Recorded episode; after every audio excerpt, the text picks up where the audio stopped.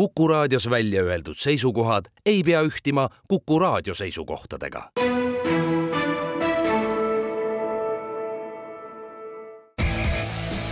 vutikohus.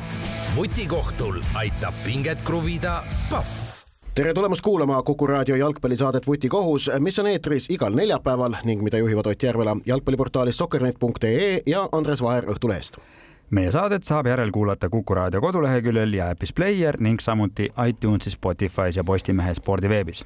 vutikohus võtab igal nädalal jutuks aktuaalsed jalgpalliteemad ning tähtsamad jalgpallikohtumised. algab vutikohtu kahesaja kahekümne neljas istung ning meie saate esimene osa, nagu ikka kombeks on olnud, kuulub eelmise nädala jooksul peetud tähtsamate jalgpallikohtumiste lahkamisele. ning alustame juttudega teisipäeva õhtust, kui Saksamaal Hamburgi linnas mängiti Saksamaa jalgpallikarikavõistluste veerandfinaalkohtumine mis oli ka Eesti jalgpalli jaoks väga oluline sündmus, kuna Karol Metsa koduklubi St Pauli läks sellele mängule ikkagi vastu arvestatava lootusega jõuda karikavõistlustel poolfinaali, mis oleks omakorda tähendanud kahe võidu kaugusel olemises, olemist eurosarja kohast, Euroopa liiga alagrupi turniiri pääsmist. Aga see mäng St Pauli jaoks Düsseldorfi Fortunaga lõppes siiski kaotusega, mis äh, sündis ja leidis aset väga dramaatilistel asjaoludel, mis tõestasid taaskord, et stsenaristid võivad pingutada palju tahavad, aga päris jalgpall pakub alati selliseid seikluslikke noh, sündmuste käike, mida ei saagi isegi välja mõelda. Ja oli, oli no seda, et see mäng tuleb äh, tasavägine, seda võis eeldada, sest nii St Pauli kui Düsseldorf on äh, ikkagi Saksa esiliiga tippmeeskonnad mõlemad ja täpselt nii läkski, aga siis sinna lõppu, äh, kui tavaline liigamäng oleks lihtsalt lõppenud siis rahumeelse viigiga ja oleks laiali mindud ja mõlemad oleksid olnud siis kas rohkem kurvad või mitte. Äh, aga siin siis pidi tulema puänt ja puänt tuli ikkagi väga kellegi vaatest õnnelik ja siis Metsa ja kompanii vaatest ikkagi väga-väga valus, et äh, veel lisaja siis üleminutil St Pauli suutis mänguseisu viigistada ja viia, viia kohtumise siis penaltiseeriasse ja penaltiseerias tundus ka, et kogu see nii-öelda see momentum äh, spordis, üks paremaid spordisõnu, momentum ja, ja, on, äh, on siis ikkagi nende käes, lõid kolm esimest penaltit väga ilusti, kindlalt sisse.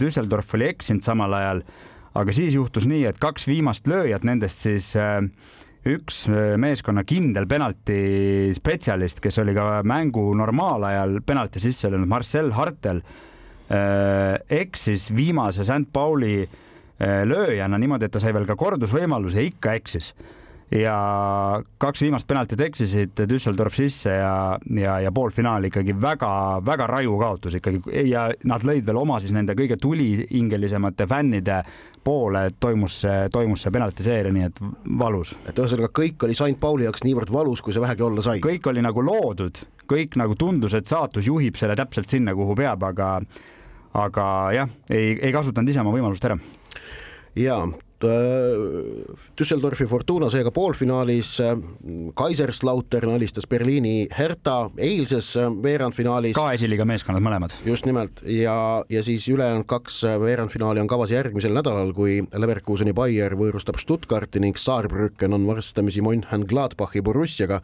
ehk et Saksamaa karikasarjast, kui Leverkusen välja jätta, siis sellised äh, noh, tavapärased äh, tooniandjad ehk et Leipzig, Borussia, Bayern on praeguseks juba kõik äh, audis. ja noh, selles mõttes kahetsus on muidugi ka siin Eestist vaadatuna ikkagi olemas, et, et Mets selles äh, ja tema koduklubi selles lõppmängus ei osale. samas, eks ole tõsi ka see, et nende jaoks teine Bundesliga ja selle, mida nad juhivad, et sellele keskendumine ilmselt on, on, on, on ikkagi peamine, et, et see noh, see, see, see asi, mida sealt on püüda, on ka väga võimas. jah, et äh, see kõik see jah, noh, karikasari Saksamaal on väga-väga prestiižne, aga, aga selgelt praegu ikkagi St Pauli klubi jaoks on, on, on liigas toimuv ja sealtkaudu siis selle Bundesliga pileti võtmine on on praegusel hetkel ikkagi, kui panna asjad nagu emotsioon, emotsioonitult kaalukaussidele, on olulisem. jah, ja, ja, ja Karl Metsa kohta olgu siis veel öeldud, et me, me sellest küll vutikohtu saates liiga sageli pole rääkinud, aga ta jätkuvalt mängib igas mängus algusest lõpuni, täiesti kindel põhimees St Paulis, noh, vankumatu. kui vähegi on võimalik, kui ta on terve, kui tal ei ole võistluskeeldu, on ta alati olnud algusest lõpuni väljakul, läbi terve hooaja. jah, siin loodetavasti siis tulevad ühel hetkel siin, siin kevade ja suve poole nagu toredamad spekulatsioonid, et kui St Pauli peaks tõusma Bundesligasse, no selge, et meeskonda natukene ikkagi tuunitakse, kas siis paksemaks või tugevamaks. aga seniste märkide põhjal, et kui see peaks õnnestuma, ei ole küll nagu põhjust arvata, miks ta siis seal Bundesliga meeskonnas ei peaks noh, kas nüüd just nii kindlas põhirollis, aga ikkagi oluline mängija olema, nii et jälgime huviga räägime karikamängudest edasi. Ja kui ühest pöörasest stsenaariumist sai räägitud, siis räägime nüüd ühest veel pöörasemast, sellepärast et Inglismaa karikavõistlustel mängiti üks kuueteistkümnendik finaale ehk et selgusid äh, kuusteist edasipääsejat, noh, tõsi, mõnes paaris läheb vaja kordusmängu, see selleks. Inglismaa kuusteist parimat klubi, ühesõnaga. tahtsid sa öelda? aga Inglismaa karikasarjas esiliiga üks tippmeeskond, Ipswich Town oli vastamisi tugevuselt kuuendas liigas, tugevuselt kuuendas liigas, see on Inglismaa esimene liigatase, mis on regionaalne. no see on ikka non-league on selle asja nimi ikkagi ja, ametlikult ütleme. ja noh, liiga, liiga tase on traditsiooniline liigitus on see, et neli kõrgemat liigat on professionaalsed, viies, mis on ka üleriigiline, noh, vanasti ei olnud, tegelikult tänapäeval ta juba on. ja siis kuues tase jaguneb kaheks, põhi ja lõuna, noh, seal üldiselt öeldakse, et on poolprofessionaalsed klubid, aga noh, nende ka seal näeb üha enam sellist ikkagi professionaalset jalgpalli igatahes. sinna kuulub Maidstone United, võitis võõrsil Ipswich Towni kaks-üks pealelöögid selles mängus aga Ipswichi kasuks kolmkümmend kaheksa, kaks. Nojah, aga mis sa nende pealelöökidega nagu pihta hakkad kokkuvõttes, kui, kui, kui nagu ära ei löö, mängu küll ise ei vaadanud, aga eks, eks selle üle seal Inglismaa meedias tehti, tehti nagu kvaliteetsemat ja vähem kvaliteetsemat huumorit äh, ette ja taha, aga, aga fakt on see, et noh, et olid need pealelöögid, mis nad olid, aga aga Ipswich tõesti, kes on noh, ikkagi Inglismaa esiliiga teise koha meeskond praegu, et noh, seal on nagu esi, Inglismaa esiliiga muidugi ühtlane liiga ja kõik, aga, aga see noh, ühesõnaga meeskond, kes on potentsiaalselt mängimas järgmisel aastal äh, maailma tugevamas jalgpalliliigas. ja, ma arvan, et konteksti andmiseks on hea öelda, et äh, Inglismaa esiliigat hetkel juhib Leicester City Ipswich on teine, eh, selge punkti vahega kümme punkti maas ja Ipswichil on kohe kannul Southampton ja Leeds. Leicester, Southampton, Leeds, need kolm satsi olid need, kes eelmisel hooajal Premier League'ist välja kukkusid. ja siis Leedsi selja taga on jälle väga palju tühja maad. ehk et Ipswich suudab praegu mängida nagu võrdne võrdsega mm, kolme eelmisel hooajal Premier League'is olnud satsiga just, aga see, see näitab taset. jah, ja, ja, ja sama siis teistpidi näitab see noh, loomulikult sellised äh, üllatused siis karikasarjades on noh, pigem harvad, aga ikkagi neid ikkagi mingisuguse regulaarsusega juhtub, noh nii Inglismaal kui ka mujal. et lihtsalt ega, ega seal ei olegi midagi muud, et äh, lihtsalt järjekordne tõestus, kui kui ühtlased need liiga tasemed tegelikult ikkagi maailma tippjalgpalliriikides ja liigades äh, on ja, ja noh, ongi, ongi kogu, kogu proosaline tõde, ega seal muud ei olegi midagi. ja, ja no meie vaatevinklist, proovime seda asja nüüd Eestiga ära seostada, siis ilmselgelt inspiratsioon Eesti koondisele, mida tuleb teha märtsikuus Poola vastu. muidugi neid pealelööke Poola võib lüüa seal oma suurel uhkel Varssavi staadionil rohkem kui veel kui kolmkümmend kaheksa, andku minna ainult, et äh, kui lõpuks on kaks-üks meile, siis on, lähme laiali ja jah, aga, aga noh, ütleme, et eh, veel pannes seda nüüd Poola-Eesti mängu konteksti, et Maidstone'i võit Ipswichi üle oli oluliselt suurem üllatus, kui oleks Eesti võit Poola üle selles kahekümne esimese märtsi mängus. et see on asjade reaalne seis. jah, lihtsalt noh, tuleb ära teha, lihtne. jah mitte et see, see tähendaks, et Eesti kindlasti Poolat võidaks, et see šanss. ei no ära tuleb ikkagi teha. jah, jah, jah. nii, aga püsime Inglismaal, vaatame, mis Premier League'is on juhtunud ning juhtunud on see, et äh, nii Liverpool, Manchester City kui ka Arsenal kõik on sel nädalal Premier League'is võitnud, nädalavahetusel keegi Premier League'is ei mänginud, sest et see oli karikamängude päralt too nädalavahetus ja Arsenal võitis võõrsil Forestit kaks-üks, Man City kodus Burnley't kolm-üks ja Liverpool neli-üks Chelsea't. kunagi, ütleme paari aasta eest oleks Liverpool-Chelsea skoor neli-üks tekitanud küsimusi, et mis kurat seal nüüd juhtus, aga käimasoleval hooajal see ei tekita mitte mingeid küsimusi, et see skoor säärane oli ja see praegune, noh, peab ennast nüüd hakkama ikkagi kordama, et see praegune Chelsea on ikkagi, ikkagi, ikkagi üks, üks väga õnnetu üksus ikkagi, et, et ähm, no nad olid kolm mängu enne seda võitnud. jaa, aga see ikkagi, see mäng ja siis siin oli veel ma enam ei mäleta kellega.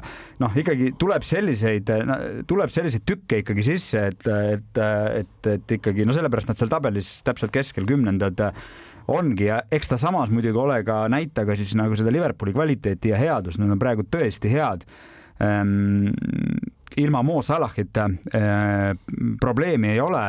ilma Trentita? noh, Trenti ei ole üldse vaja, see, see parema kaitses on lihtsalt võtnud koha sisse üks noormees nimega Connor Bradley, kes äh, kes viimases mängus andis värava ja söödu, oli lihtsalt üle linna kunn, ei mingit nagu küsimust ka, et nüüd on, nüüd on ja nüüd on Inglismaal nagu suur või noh, Liverpoolis siis on suur küsimus, et kuidas Jürgen Klopp, noh, kelle persoon per,, personaalküsimusest me räägime oma saates pisut hiljem.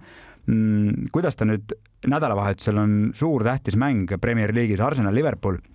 Connor Bradley on nii võimsalt tulnud, et kuidas ta selle Bradley ja Trent Alexander-Arnoldi küsimuse lahendab, et kas mahutab väljakule mõlemad või on noh, tegelikult pigem küsitakse niimoodi, et kas mahutab mõlemad või jääb äh, Trent pingile? see on, see on sünge ju mõeldes seda, kuivõrd tähtis osa tervest Liverpooli mänguplaanist on Trent Alexander-Arnold olnud ja paneme sinna juurde selle, et seesama Connor Bradley, see kahekümne aastane kutt. Ähm,, ta eh, tuli ju üldse, temast saadi teada jaanuari alguses, kui Klopp vahetas tema ja ühe teise Bobby Clarki, vahetas mängus, karikamängus Arsenaliga viimaseks viieteistkümneks minutiks väljakule ja, ja noh, selle viimase viieteistkümne minutiga mäng võideti, tõsi, Bradley seal nagu mingis ütleme, resultatiivses rollis ei olnud aga, aga toona ta üleüldse sai sellise noh, tõusis teadusesse ja siis seejärel on ta nüüd olnud põhikoosseisus, eh, kui ma eksin, neljas erinevas esindusmeeskonna mängus. Ja, ja on mänginud ennast äh, põhimõtteliselt kuu ajaga Inglismaa Premier League'i kaitseliini selliseks täiesti noh, stabiilseks liikmeks vaata, et see, see, see on ikka sünge. tal on praegu siis selle hooaja Liverpooli statistika kaks Premier League'i mäng äh,, mängu äh, kirjas siis äh, värav pluss kolm söötu. äh, ja karikasarjast siis lisaks äh, kaks mängu ja nendes kirjas kaks söötu ehk et kokku nelja mängu peale Mm, kiire arvutus, üks värav ja neli söötu. No jah, väga muljetavaldav. parem, parem kaitse. väga, parem väga, kaitse. jah, jah. aga noh, noh, vot sellised lood tegelikult, et äh, tekitavad alati vaimustust, et kui selline noor mängija niimoodi esile tõuseb, see alati tekitab vaimustust, sellel on äh, väga lihtne kaasa elada ja selliste noh, sündmuste pealt tegelikult jalgpall saab väga palju jõudu juurde, kui niimoodi juhtub. jah, ja just ja, ja just eriti selline klubi Liverpool, kellel on siin noh, praegu oma spetsiifiline ajastu Jürgen Kloppist tulenevalt ja kui, kui sa sellises olukorras äh, kasutad neid noori mängijaid, noh, nii julgelt, noh muidugi eks ta julgelt kasutab sellepärast, et ta, ta tunnetab, mis sealt tuleb või mis sealt ei tule see lisab kõigele sellele, kogu sellele loole väga ilusaid värve lihtsalt. ja, Inglismaa lii-, kõrgliiga tabelis on olukord säärane, et Liverpool viiekümne ühe punkti peal, Man City kaotab neile viie punktiga, aga omab ühte mängu varuks, Arsenal kaotab ka viie punktiga, aga mängu varuks ei oma. et noh, Arsenalil nüüd ikkagi teine järjestikune võit ehk et äh, kas võib öelda, et Arteta on seda vahepeal kiiva kiskunud paati nüüd suutnud stabiliseerida? vaatame pühapäeval jah, siis lähevad Liverpool ja Arsenal omavahel vastamisi. nii, põgus pilk ka Hispaaniasse, kus Girona tegi null-null viigi Barcelona äh,, Almeeriaga, Barcelona võitis kodus Osasunat ja Madridi Atletica oli üle Rayo Vallecanost. Madridi Real tuleb väljakule täna äh, õhtul kohe pärast meie saate lõppu, nemad mängivad äh, teise Madridi klubi Getafega siin ma lihtsalt kommenteeriksin siis Barcelona, kellest on ka viimasel ajal mm, palju juttu olnud äh, ja tuleb ka meil veel saates põgusalt juttu, äh, siis äh, vahetusest tulnud noor ründaja, just Brasiiliast värvatud Vitor Rock väga kiiresti õigustas oma kohalolu, tuli, lõi ja Barca võitis. jah tuli väljakule kuuekümne teisel minutil ja kuuekümne kolmandal minutil lõi üks-null võiduvärava, nii et see on kahtlemata väga nii. hea, väga hea saavutus. nii et noored möllavad ka mujal. ja, ja Realil täna õhtul siis võimalik tõusta La Liga liidriks, nad, kui nad võidavad, mööduvad nad Gironast, kellele nad hetkel punktiga kaotavad. nii, aga nüüd räägime koondise jalgpallist, sellepärast et Aafrika ja Aasia meistrivõistlustel on jõutud kaheksandikfinaalideni ning Aafrikast alustades siis Aafrika meistrivõistlused on olnud üllatusterohke turniir mis ei üllata meid, et on olnud üllatusterohke, seda, seda võis prognoosida ja seda me ka tegime siin siis, kui turniiri eelsed jutud olid.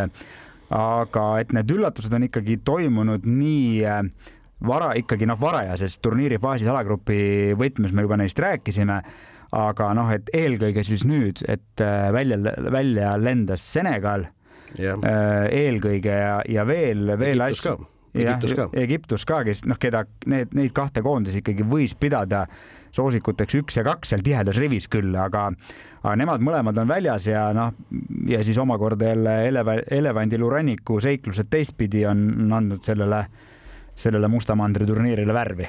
ja tuletan meelde, et siis Tuneesia, Alžeer ja Ghana kolm äh, ikkagi MM-il tavapäraselt või noh, sageli osalevat riiki ei pääsenud üldse alagrupist edasi ja nüüd tõesti eelmise, üle-eelmise aasta MM-i neljas meeskond, poolfinalist Maroko kaotas äh, kaheksandikfinaalis Lõuna-Aafrika Vabariigile null-kaks ja noh, Lõuna-Aafrika Vabariigi koondis pole väga ammu suutnud mitte midagi olulist tegelikult korda saata, et noh, noh, väga selline pärast kodust, nad ei suutnud ka kodusel MM-il peale selle ilusa värava, mille Sipive Tšabalala lõi, mitte midagi korda saata, nad pole ka pärast seda midagi korda saatnud, aga nüüd näe, said MM-i neljandast jagu. ja mängivad veerandfinaalis Roheneme saartega, kes oma äh, kaheksandikfinaalis alist- äh,, alistasid alagrupi turniiri üllataja Mauritaania üks-null. jah, jah, ja, ja Egiptus jäi alla penaltitega Kongo Demokraatlikule Vabariigile, no ka, ka seda tuleb lugeda üllatuseks, mitte vast nii suureks kui Maroko kaotus Lõuna-Aafrika Vabariigile, sest jah, Egiptuse puhul me teame Mo Salahit, aga noh, ega Egiptuse ülejäänud sats nüüd sedavõrd nimekas tegelikult ei ole, et neil on, neil on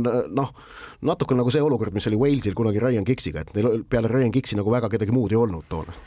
Ja, ja no siis kui põgusalt. aga nüüd elevandiluurannik. ja elevandiluurannik ehk siis Senegalist oli juba juttu, elevandiluurannik siis mängis oma kaheksandikfinaali äh, Senegaliga ja elevandiluurannik siis äh, kõik algas, turniir siis algas väga näruselt. jõuti oma peatreener turniiri ajal lahti lasta, selgus suure positiivse üllatusena, et siiski kolmanda koha meeskondade võrdluses teised meeskonnad mängisid neile kaardid niimoodi kätte, et elevandiluurannik sai siiski edasi, aga treener oli juba lahti lastud. no mis sa teed siis, noh, paha lugu, eks, et taheti palgata siis Herve Renardi, kes siis Aafrika riikides on niisugune no ikkagi väga tuntud treener on seal juhendanud ühte-teist ja edukalt üldiselt, et aga Herve Renard on praegu ametis Prantsusmaa naistekoondise peatreenerina Prantsusmaa alaliidu käest nad Renardi kätte ei saanud, nii et ta, ta tahtsid teda laenata põhimõtteliselt kaheks nädalaks, aga Prantsusmaa ütles ei. jah, ja, ja, jätkavad siis abitreeneri käe all, Senegalist saadi kaks-üks jagu ja ees ootab nüüd veerandfinaal Maliga. no ja kuidas veel sellest Senegalist jagu saadi, see oli omaette ikkagi stsenaarium ehk et Senegal juhtis seda mängu pikalt ja paistis, et oli ka päris hästi omas kontrolli tegelikult selle mängu üle.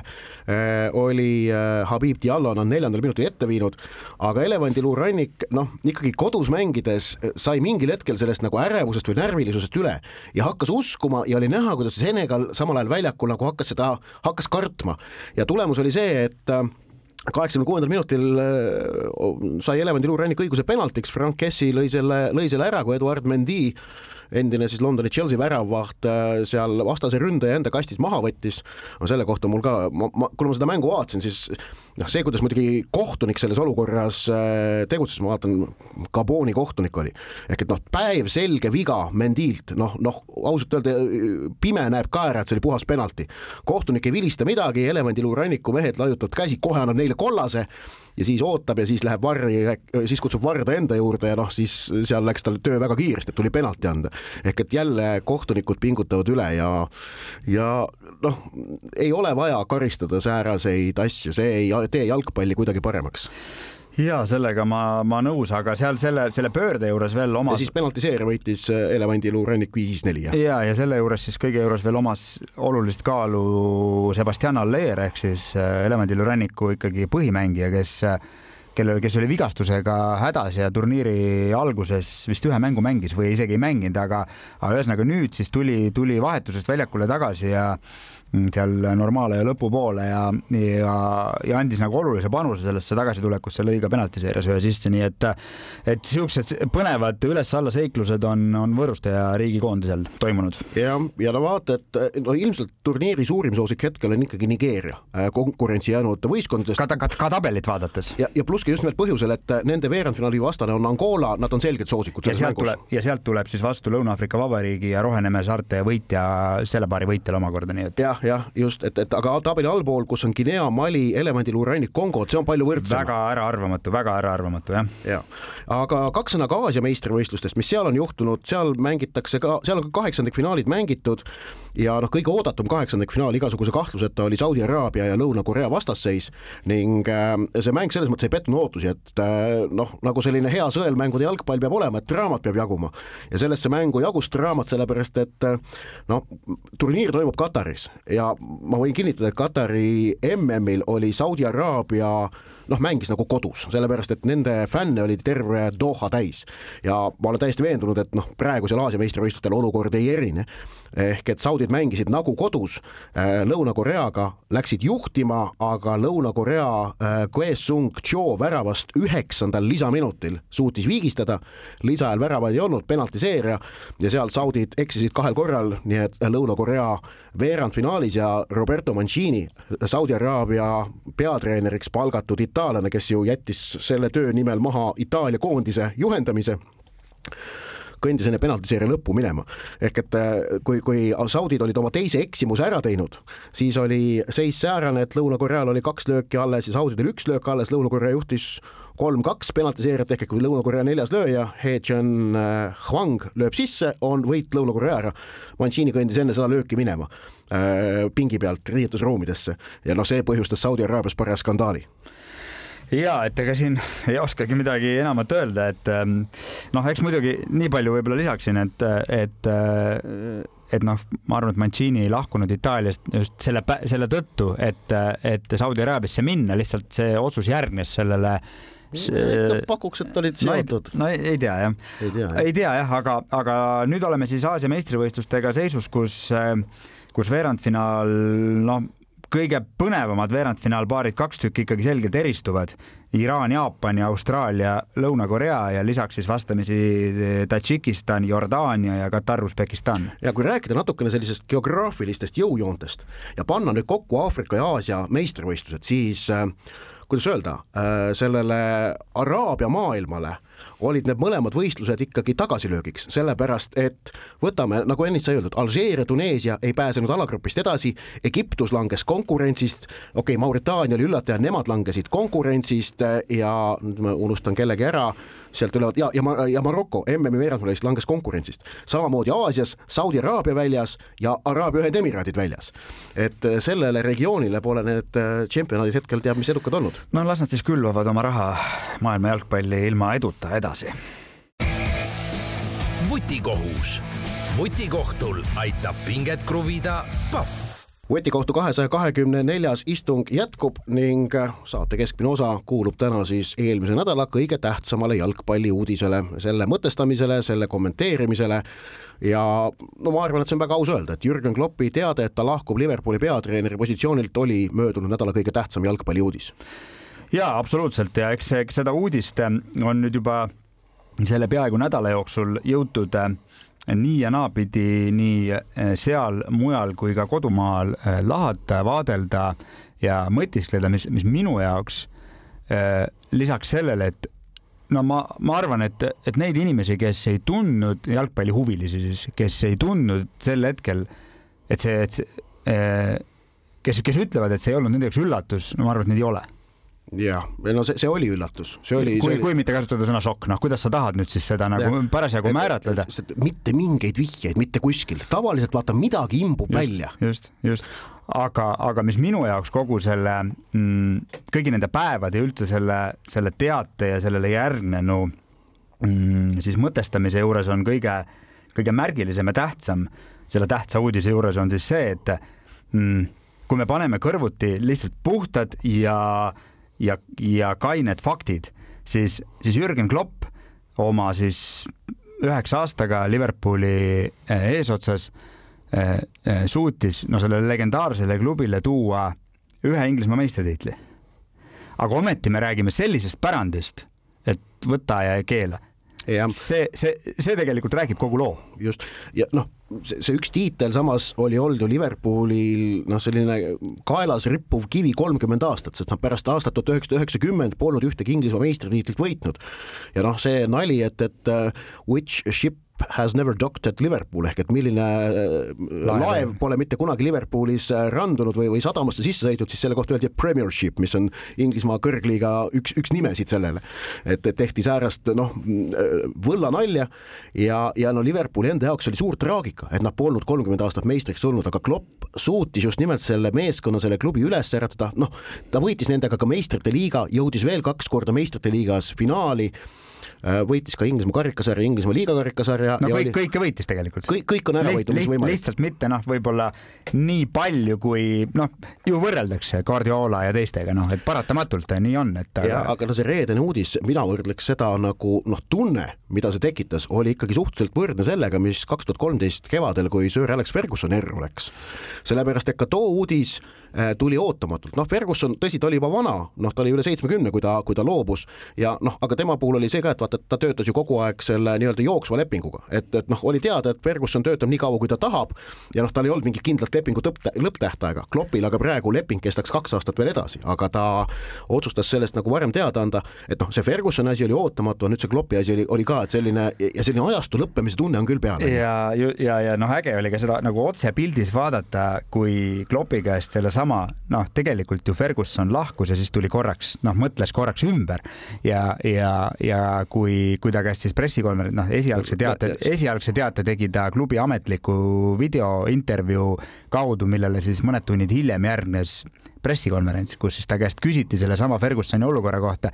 poole küsimuse pealt ta vastas no. ja ei no Ferguson ei mõelnud ümber kahe tuhande kolmeteistkümnendal, vaid ta mõtles aasta, kümme aastat varem. just, just, ta... aga toodigi see paralleel siis, et kas see on nagu võimalik, poole vastuse, poole küsimuse pealt tuli, tuli vastus no, noh, et ja, ei ja, ole võimalik. aga nüüd on huvitav on see, et kas, et, et noh, kuna Klopp ka ise avaldas, et ta oli klubi juhtidele rääkinud juba novembris, tegelikult on Liverpooli tippjuhtkond on teadnud sellest olukorrast nüüdseks kaks kuud, võib-olla isegi natuke natukene rohkem ma ei oleks üldse üllatunud, kui tegelikult on Jürgen Kloppi ametijärglaseks ja praeguseks juba leping sõlmitud. Ehk et äh, ja, ja Kloppi see uudis ajastati ajale, et see leping on tehtud, okei okay,, seda ei avalikustata mitte, kellelegi, aga et, et, et nii-öelda turul ei vallanduks, tähendab see, et noh, poleemika avalikkuses vallandub, selle vastu ei ole võimalik saada, aga et äh, reaalselt turul ei läheks mingisuguseks solberdamiseks lahti, et tehakse ennem juba nii-öelda jätkuplaan ära ja siis tullakse uudisega alles välja, ma ei välistaks, et see on niimoodi. ja seda ei saa välistada, lihtsalt see eeldab väga paljude asjade, sest noh, selle asja juures sellisel juhul on ju veel no vähemalt üks, aga tõenäoliselt kaks osapoolt ehk siis, ehk siis treener. uue treeneri hetke koduklubi, eeldusel, et tal on koduklubi ja siis muidugi see treener ise. kes on tipptreener, kes on praegu tööta, üks? No üks maailma, no Mourinho jätame kõrvale, tema, tema ei lähe arvesse, Zinedine Zidane. Zinedine Zidane jah, kuigi noh. ei tundu loogiline. ei, ei, ei usu.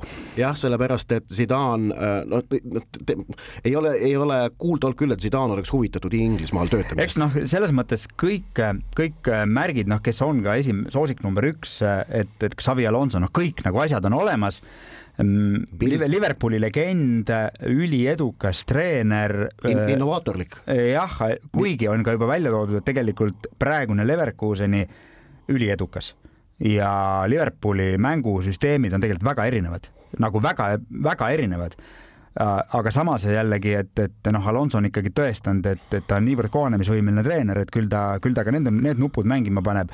aga noh. see mängija materjal, mis on Liverpoolis olemas, on ikkagi sedavõrd kõrge kvaliteediline, et noh, sellega on võimalik ka muud moodi mängida kui Kloppi moodi. ja, aga noh, seal on siiski ka teine pool, et, et, et Alonsol on kehtiv leping Leverkusenis, Leverkusen on Bundesliga liider, need asjad ei käi nii lihtsalt, nii et.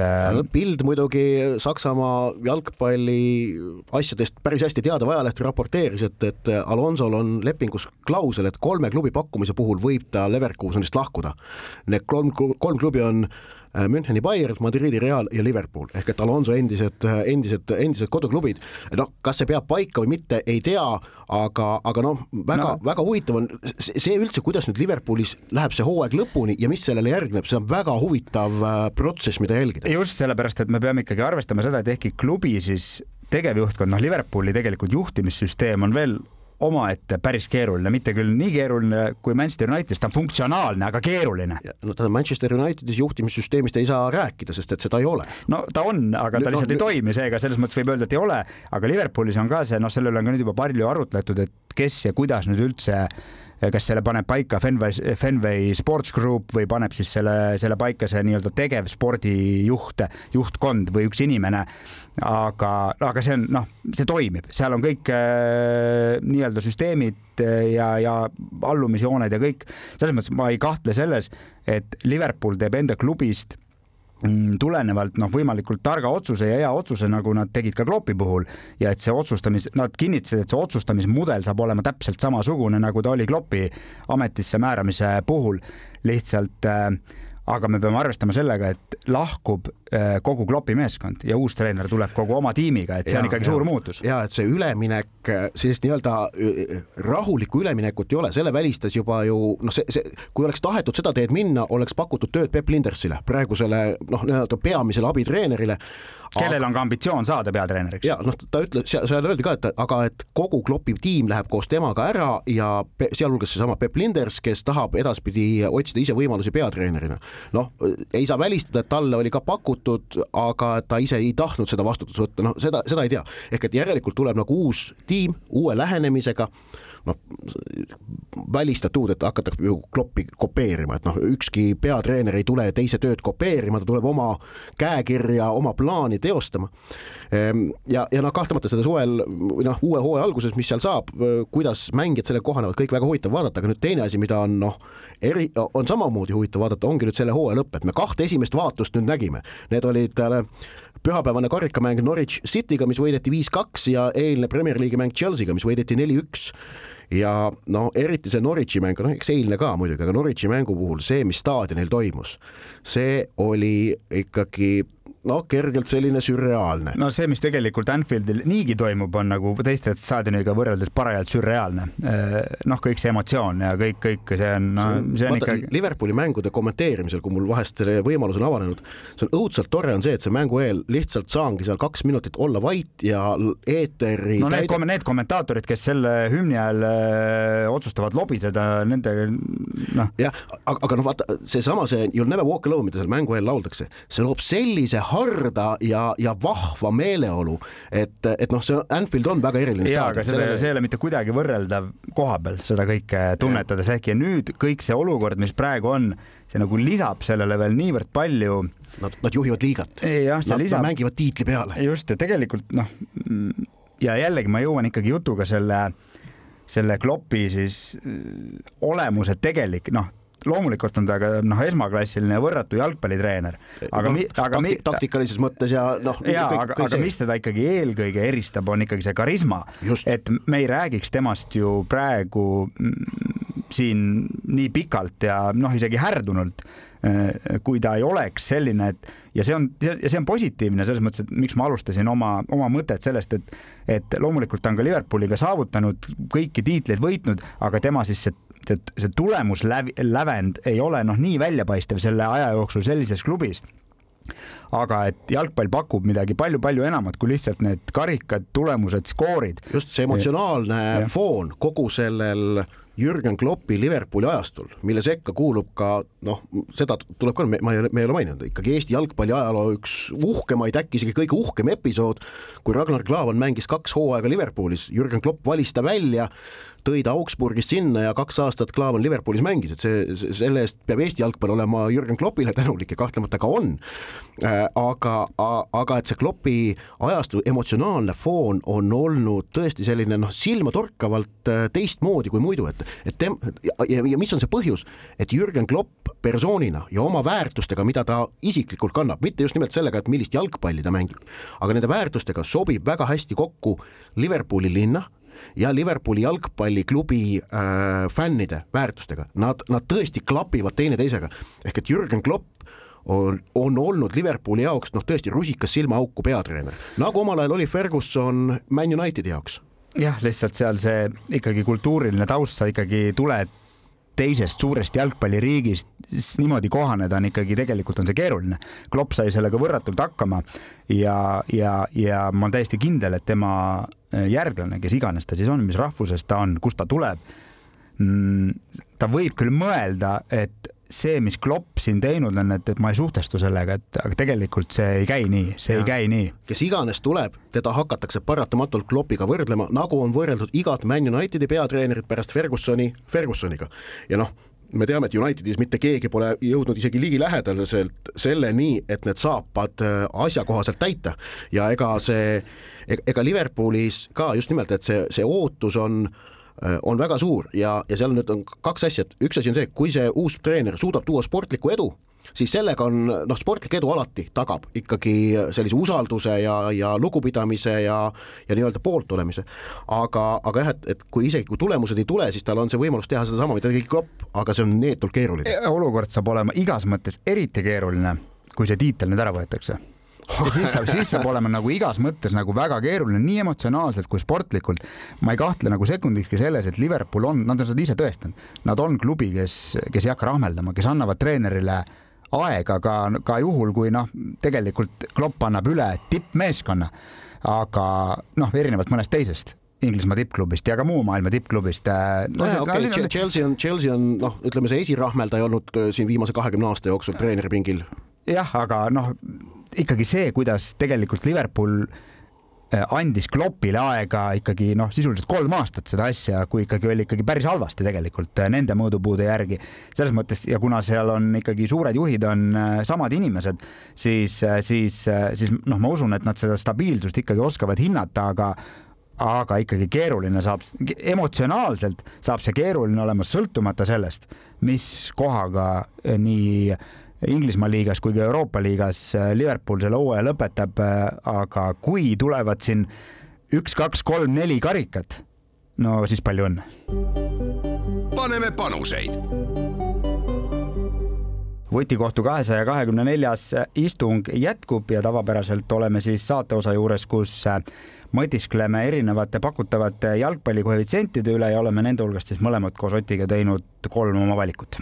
ja mina olen oma valikud teinud, nagu mul sageli kombeks on Inglismaa Premier League'i mängudest. alustan laupäeval kell seitseteist null null St James Parki staadionil peetava kohtumisega Newcastle United Luton Town ja kuna ma üleeile õhtul oli mul võimalus kommenteerida Aston Villa Newcastle mängu ja mulle väga muljet avaldas äh, Fabian Schärri esitus, kes lõi selles mängus kaks väravat, siis no aga miks mitte panustada sellise kuuma mängija peale ehk et äh, koefitsient sellele, et Schär lööb värava kodus Luton Towni vastu on kaheksa koma viis ja, ja noh, Schäri väravate noh, tõenäosuse äh, muudab suureks asjaolu, et Newcastle on praegu standardolukordades noh, on olnud üldse hea ja nad ongi head Ott on siis see mees, kes usub päikese löömisse mitu korda. ja siis teine pakkumine puudutab mul laupäeva õhtut Sheffield United Aston Villa mängu ja jällegi tuleneb natukene sellest Newca-, Villa Newcastle mängust, kus Villa esines minu meelest ikkagi silmatorkavalt äh, kehvasti ja isutult ning koefitsient sellele, et Sheffield United ei kaota kodus Aston Villale kaks koma kolm, on minu meelest selgelt liiga kõrge.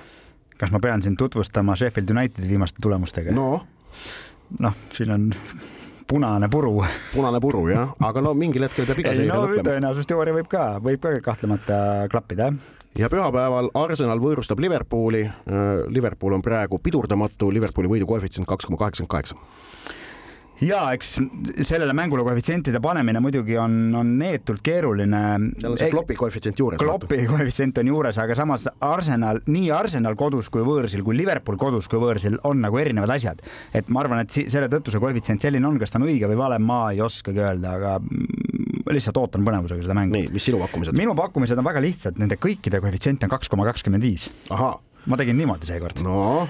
ja igast õhtust siis üks mäng, et oleks huvitavam. Yeah.. reede kõigepealt siis äh, Saksamaa Bundesliga's Heidenheim ja Dortmundi Borussia. Need on mõlemad meeskonnad, kes armastavad rünnata ja palju väravaid lüüa, seega selles mängus lüüakse rohkem kui kolm väravat ehk siis kaks koma kakskümmend viis.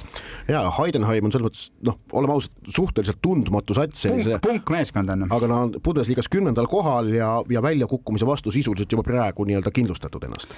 laupäeval siis Inglismaal Everton ja Tottenham ja siin siis äh, võrdub kaks koma kakskümmend viis sellise äh, pakkumisvariandiga, et Tottenham lööb selles mängus rohkem kui ühe värava. Tottenham viimasel ajal ikkagi lööb miks ta ei peaks siis nüüd lööma? ma seda Everton Tottenham mängu ma nagu kaalusin ka igatepidi, et, et noh, tundus nagu põnev mäng ja mulle need mõlema satsi mängu vaadata, mulle meeldib, mulle meeldib Sean Dyche'i meeskondi vaadata, sest nad mängivad sellist äratuntavat käekirja ja Postecoglud ka, aga ma ei osanud sellest mängust mitte midagi prognoosida, sellepärast ma jätsin no, selle endale kõrvale. ma oskasin, ma oskasin ja pühapäeva õhtust siis üks äh, terve siis Euroopa mängude nädala tähtsamaid mänge äh, Arsenal Liverpooli kõrval. Ehk et Milanos äh, tiitliheitlus äh, Milano Inter, Torino Juventus. Ja ehkki ma möönan, et Inter on viimasel ajal väga heas hoos ja soosib kodus, aga koefitsient sellele, see mäng on siiski, see on hoopis teistsuguse nagu nii-öelda tagaplaaniga mäng, et Juventus ei kaota seda mängu, kaks koma kakskümmend viis on lihtsalt liiga kõrge koefitsient. paneme panuseid vutikohtu kahesaja kahekümne neljas istung alustab oma viimase osaga ning vaatame põgusalt otsa eesoleva nädala jooksul peetavatele tähtsamatele jalgpallikohtumistele. no nii Aasia kui ka Aafrika meistrivõistlustel mängitakse homme ja ülehomme veerandfinaal kohtumisi. Neist äh, saate esimeses osas põgusalt juba rääkisime, aga olgu siis öeldud jah, et Aasias on kaks ägedat mängu ja, ja Aafrikas on neli ägedat mängu. neli ägedat mängu jah, et no, noh, paratamatult Aasias noh, Tadžikistan, Jordaania või, või Katar, Usbekistan mäng ei tekita selliseid tundeid, noh, nendel koondistel puudub nagu selline noh, laiem profiil, avalikum profiil, aga Austraalia versus Lõuna-Korea ning Iraan versus Jaapan, need on noh, Aasia jalgpalli täielik klassika. ja, ja, ja Aafrikas siis reedel Nigeeria, Angola ja Kongo, Guinea ja laupäeval Mali, elevandiluurannik ja Roheneme saared, Lõuna-Aafrika Vabariik. no see Mali elevandiluurannik peaks olema selle Aasia veerandfinaalide noh, maasikas, puhtalt ka põhjusel, et seal kodumeeskond mängib. nii on, laupäevast siis veel äh, erinevatest liigadest, paarist mängust äh, näiteks Everton Tottenham oli oli juttu, aga võib-olla siin isegi õhtu lõpetuseks niisugune päris huvitav, ma julgen arvata, maiuspala Hispaaniast, Girona ja Real Sociedad vastamisi lähevad. ja no see kahtlemata noh, Girona selle hooaja siis komeet, Real Sociedad, tuletan meelde, meistrite liiga kaheksandik finalist. et, et ja Saksamaal me näeme sel nädalavahetusel Müncheni Bayernit mängimas äh, kodus äh, ja Mönchengladbachi Borussiaga. just, ja no Bayern siis suutis eelmisel nädalavahetusel vahet Leverkuseniga kärpida, sellepärast et Leverkusen tegi viimati null-null viigi sellesama Mönchengladbachiga. ja noh, nüüd on siis Mönchengladbachil uus väljakutse, et mängisid eelmisel nädalavahetusel võõrsil Leverkuseniga, nüüd võõrsil Bayerniga, et järgemööda pühapäeva õhtupoolik tuleb äh, jalgpallisõpradele mm, tihedalt sisustatud, äh, midagi muud teha ei ole võimalik, kes tahavad, võivad siis alustada juba kell neli Eesti aja järgi, kui Manchester Unitedile lähevad külla David Mo-, David Moyes ja West Ham United. ja siis sealt edasi läheb eriti kuumaks andmiseks, kell pool seitse Arsenal Liverpool no siis poole silmaga, kes tahab, võib ka vaadata sinna Atalanta Latsiot ja õhtu lõpetuseks siis kell kolmveerand kümme Inter Juventus ja kell kümme Madridi Real Madridi Atletico nojah, eh, see West Hami külaskäik Manchesteri punasesse poolde on selles mõttes ikkagi huvitav, et David Moyes läheb ju taas külla oma endisele sellepärast ma seda mainisingi. just nimelt koduklubile ja tuletan meelde, kuidas lõppes nende meeskondade esimene selle hooaja omavaheline mäng. võitis. ja see mäng oli tegelikult suht hiljuti, see oli alles kahekümne kolmandal detsembril ehk et nende mängude vahe on siin noh, alla pooleteist kuu ja toona West Ham võttis kodus ikkagi sellise veenva võidu Manchester Unitedi üle ja see, kui peatreener mängib oma endise koduklubi vastu, vastu, kellega noh, tal on selline ei saa öelda, et Moyesel oleks Unitediga kana kitkuda, aga noh, on, on ju teada, et Moyesi ametiaega, mis, kus, kus ta läks kuueaastase lepinguga Fergusoni järglaseks, aga kus ta üheksa kuu järel vallandati, et noh, see on selline avalik pilk ja objekt tegelikult siiani, ehk et Moyesil on kahtlemata Unitediga selline isiklik arve klaarida ilmselt aegade lõpuni. ja ka tabelis on West Ham hetkel Manchester Unitedist nii kolme koha kui kolme punkti võrra kõrgemal, aga, aga see, see just see õhtune pool ikkagi Arsenal, Liverpool, Inter, Juventus, Madridi Real Atletic, Madridi Atletico, no enam midagi magusamat eh, ei anna ette kujutada jah, no seal Arsenal Liverpool õnneks ei kattu, aga need ülejäänud kaks Inter Juventus ja Madridi Real Madridi Atletico noh no., algavad viieteistkümne minutilise vahega. no tuleb teha kas valik või vaadata järgi, kuidas keegi soovib. aga kahe ekraani pealt korraga? ei, niimoodi jalgpalli vaadata ei ole võimalik.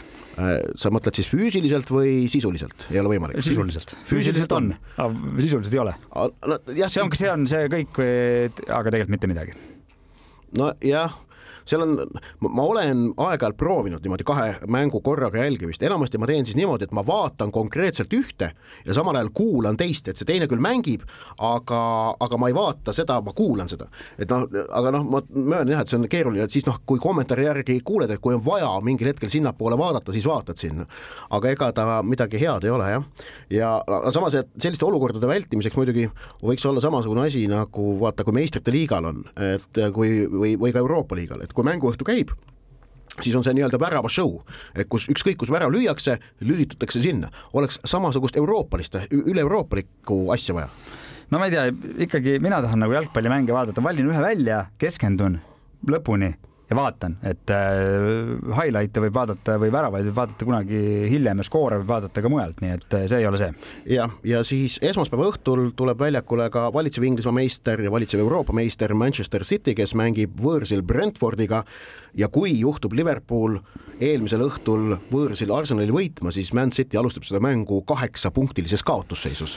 aga kui ei juhtu võitma, siis jällegi on teistpidi asjad, nii et. siis on teistpidi võimalikud variandid, kõik on lahtine. nii, aga nende mõtetega täname kuulamast vutikohtu kahesaja kahekümne neljandat istungit. saatejuhid olid Ott Järvela jalgpalliportaalist soccernet.ee ja Andres Vaher Õhtulehest kuulake meid uuesti järgmisel neljapäeval ikka kell kakskümmend üks ning meie saadet saab järelkuulata Kuku raadio koduleheküljel ja äpis Player ning samuti iTunesis, Spotify's ja Postimehes spordiveebis. Kuulmiseni. vutikohus. vutikohtul aitab pinget kruvida Pahv